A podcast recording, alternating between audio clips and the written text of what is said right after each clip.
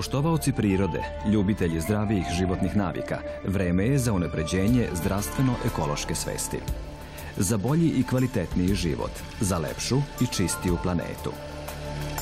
Pravo je vreme da navijemo zeleni sat.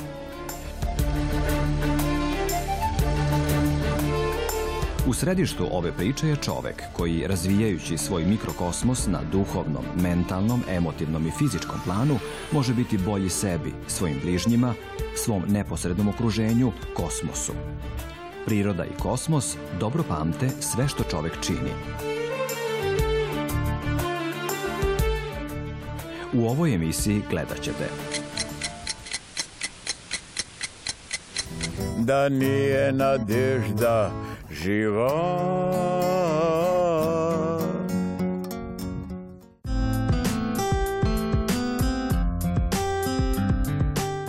Seme heljde je trouglastog oblika i nepečeno ima blag slatkast ukus, a kada se ispeče pridobija zemljano orašast ukus.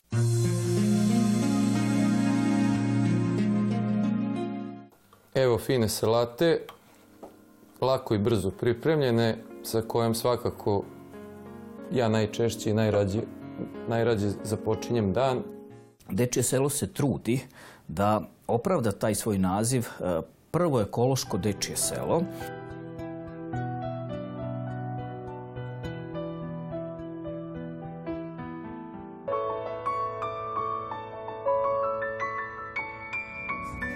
Šta je Joske? A? Gdje si bili?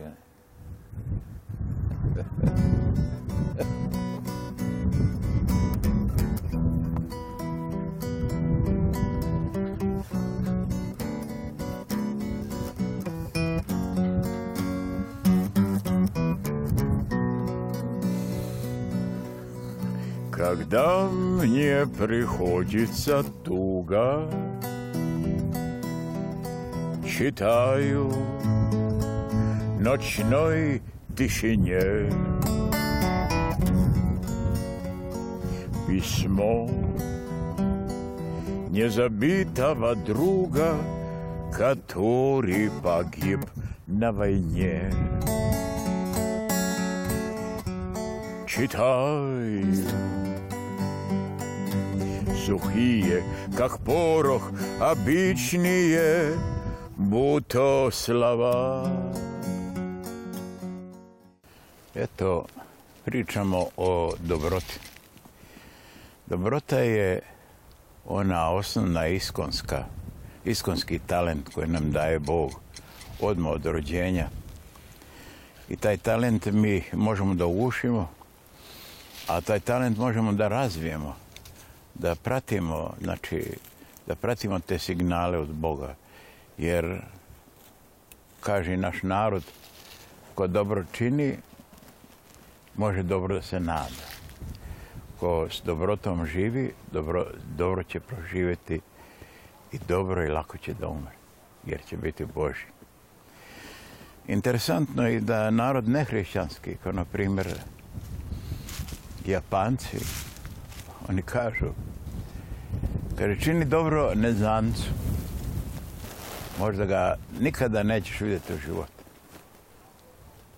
I sad, kad razmislite o tom u redu, oni nisu hrišćani, ne znam, ali ipak taj instinkt, taj osjećaj o držanju na ovome svijetu je opravdan samo ako čovjek dobro ima u sebi, dobro misli.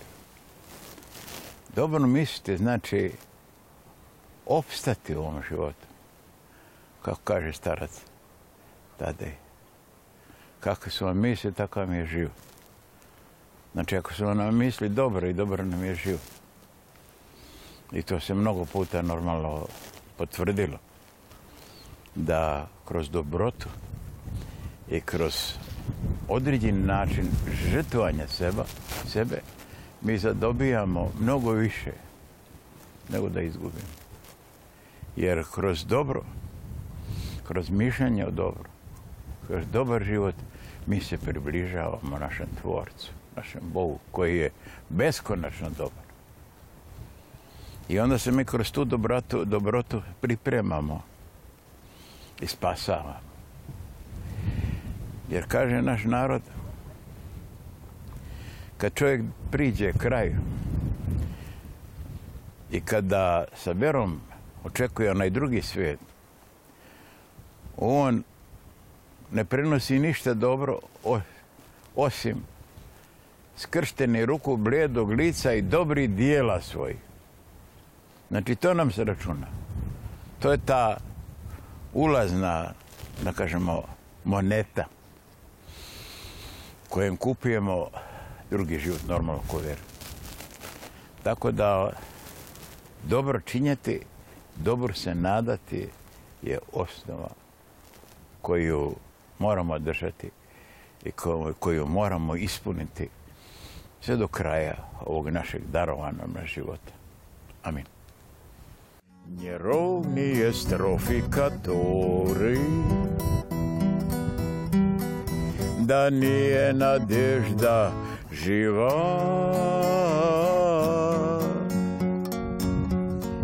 Njerovni je strofikatori da nije nadežda živa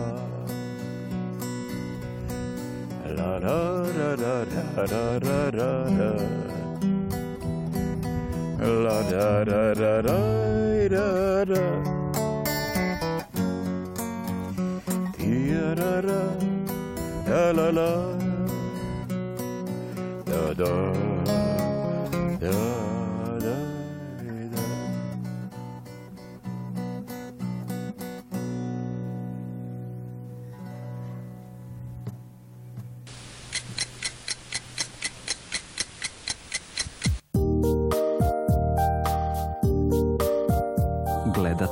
Zeleni sat.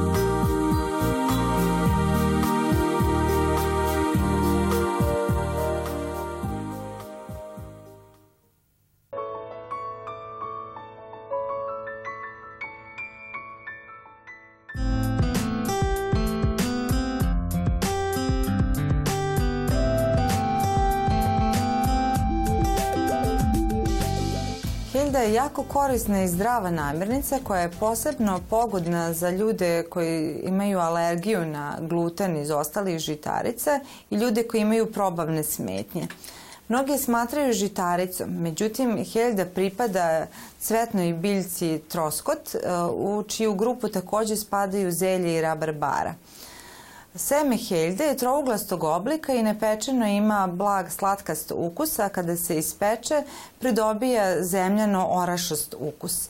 Od semena heljde spravlja se brašno, od kog mogu da se prave različiti pekarski proizvodi, ali se obično mešaju sa drugim brašnjima kako bi dobili autentični kvalitet. Cvetovi heljde imaju jak miris tako da privlače pčele, te se od heljde dobija tamni med jako lepog ukusa.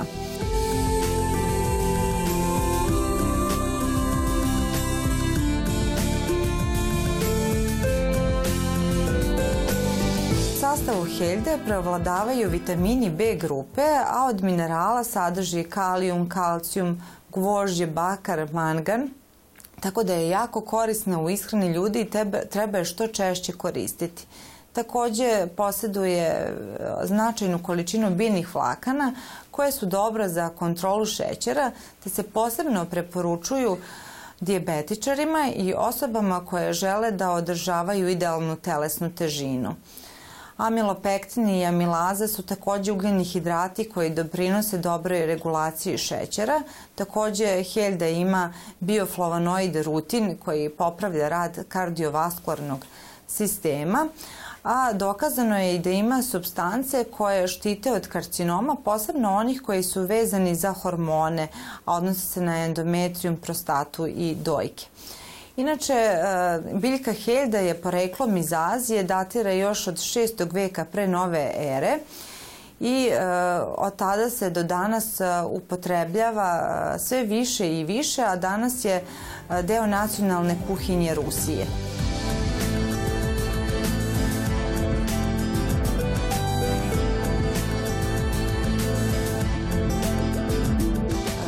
Se na više načina može uvrstiti u ishranu i e, prosto može više puta u toku nedelje da se koristi na način što će se mešati sa drugim vrstama brašna pa ući u sastav hleba, mafina, palačinki. Takođe zrno helde može da se koristi kao jedan od sastojaka u salatama od povrća, a isto tako može biti i samo po sebi prilog umesto pirinča, ječma, pire krompira. To su načini na koje se heljda može zastupiti više u ishrani i treba. Prilikom kupovine heljde treba birati prometnije prodavnice, pošto se ona ruku na srce ipak malo ređe kupuje. E, ambalaža ne bi trebala da ima tragove vlage, jer to može da smanji njen kvalitet.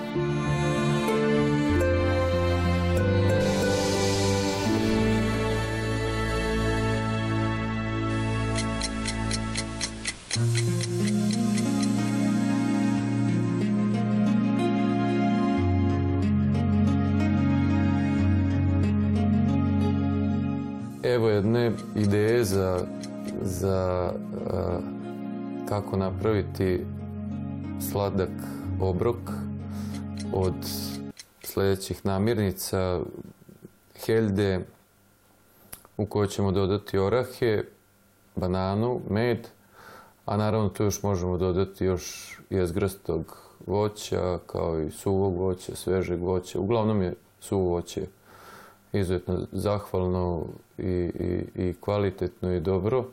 U svakom slučaju daju ukus, vitamine, jedna činija puna zdravlja, ukusa i, i zadovoljstva svega onog što možemo da sebi priuštimo, a, a da nam bude korisno i da nam daje energije preko dana. A, sipat ćemo heljdu činiju. Orahe možemo i ne moramo izmrviti. U svakom slučaju bitno je da su prisutni u, u obroku. A, određenu količinu banana po, po želji i potrebi. Svakako, pošto su banane slatke i orasi i heljda su relativno neutralnog ukusa, tako da ako hoćemo da je slađe, možemo više banana kao i med koji ćemo na kraju dodati i med isto po potrebi i po želji. Ako želimo da je slađe obrok, ja više volim malo neutralniji, tako da neću previše meda dodavati i u suštini to je obrok koji koji ima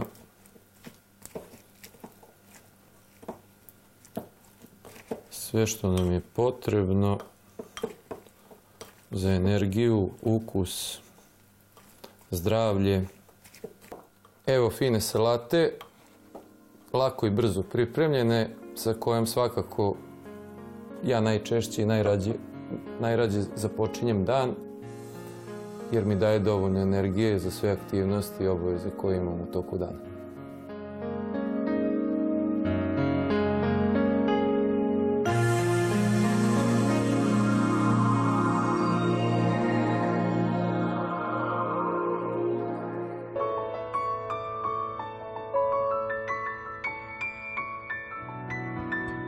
Dečije selo u Sremskoj kamenici je prvo eko selo u Evropi koje koristi obnovljive izvore energije. Najpre su u toj ustanovi postavljeni solarni kolektori koji bi trebalo da se koriste za zagrevanje sanitarne vode, a potom je ugrađeno 11 pogona za proizvodnju toplotne energije na biomasu. Pored uštede u materijalnim sredstvima, korišćenjem obnovljivih izvora energije, to selo doprinosi i smanjenju emisije štetnih gasova, a samim tim čuva životnu sredinu. Dečje selo je ustanova socijalne zaštite koja je osnovana pre 43 godine i na svom zbrinjavanju ima decu bez roditeljskog staranja iz cele Srbije osnovano kao stoto selo u, u Evropi, kao deče selo u Evropi u sistemu SOS Kinderdorf International i uvek je imalo e, zbog toga jedan određeni status i, i jedan uh, položaj na, na visokom nivou. Uh, sve ove godine se vodilo računa o kvalitetu rada, o dobrom zbrinjavanju dece, ali i o samom poslovanju dečijeg sela koji iziskuje da, i određene inovacije, unapređenja, vođenje računa o, svim segmentima rada i poslovanja dečijeg sela. Uh, unazad nekoliko godina Dečije selo se trudi da opravda taj svoj naziv uh, prvo ekološko dečije selo uh, uvođenjem novih tehnologija koje bi donele unapređenje poslovanja kako u finansijskom materijalnom smislu, tako i u recimo u tom ekološkom u zaštiti prirodnih resursa. Uh, unazad nekoliko godina uh, uz pomoć projekata finansiranih od strane i pokrinjske vlade i resornog ministarstva i drugih izvora finansiranja kao što su ambasade ili fondovi koji se time bave, Deče selo uvelo sistem grejanja na pelet to podrazumeva da e, za, za svaku kućicu, pošto je naš rad ovde organizovan po, po kućama, u svakoj kućici je ugrađen e, taj mini kotao e, i mesto znači za, za istovar e, peleta, tako da se e, naše kućice sada, pored toga što imamo grejanje na, na gas, imamo i grejanje e, na pelet.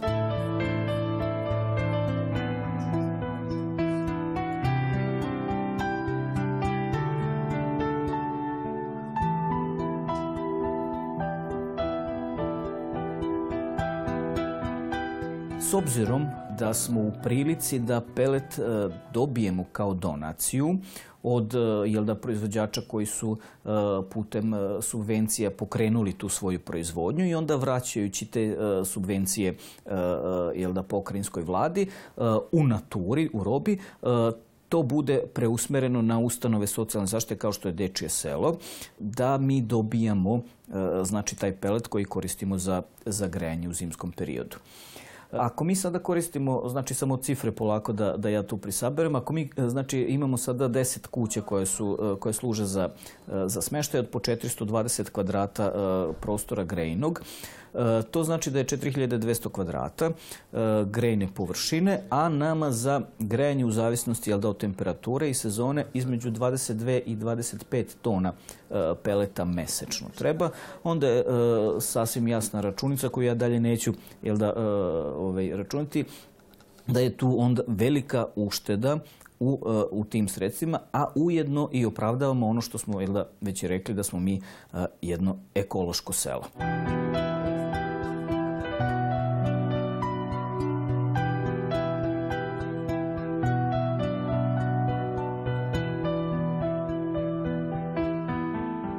Taj pelet e, znači dobijamo e, po potrebi, e, najavimo se proizvođaču, za par dana je obezbeđena ta količina peleta koja je jel da u, u džakčićima od po 20 kilograma.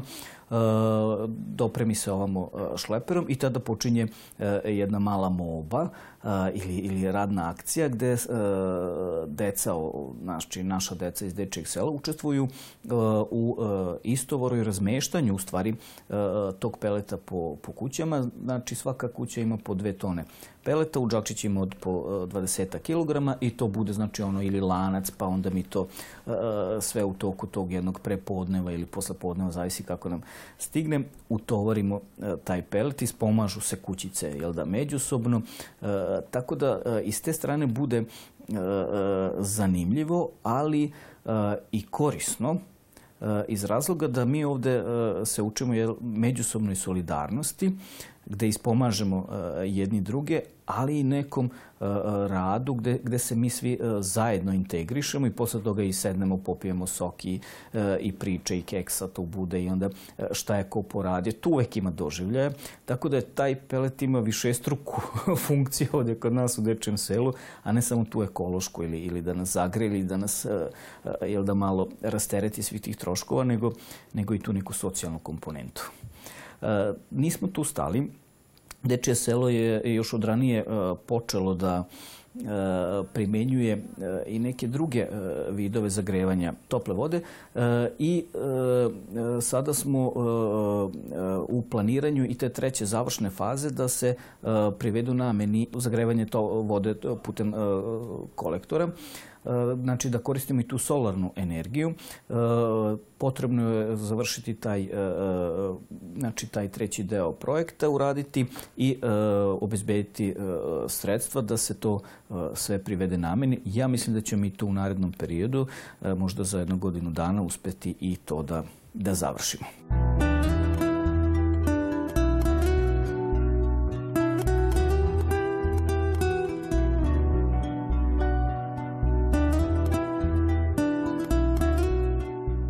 Dečje selo je selo gde ljubav stanuje, ali Dečje selo i vodi računa o prirodi.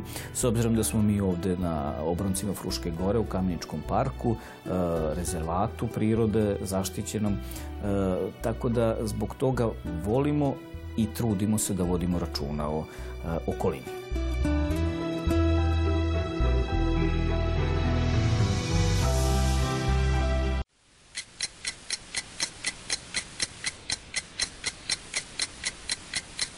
Ne zaboravimo da smo planetu Zemlju nasledili od predaka, a pozajmili od potomaka. Čuvajmo je živeće u skladu sa prirodom.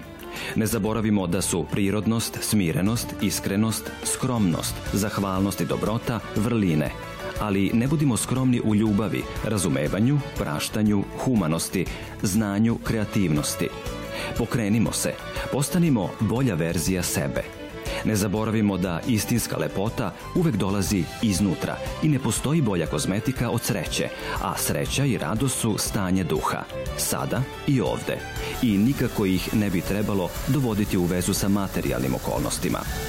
Ne bujmo svoju autentičnost slaveći život, ma gde bili pod kapom nebeskom. Ne zaboravimo da genetska predisponiranost, način života kao i okruženje u kojem živimo svakako utiču na naše zdravlje. Ono je bogatstvo koje po pravilu ne cenimo sve dok ne počnemo da ga gubimo.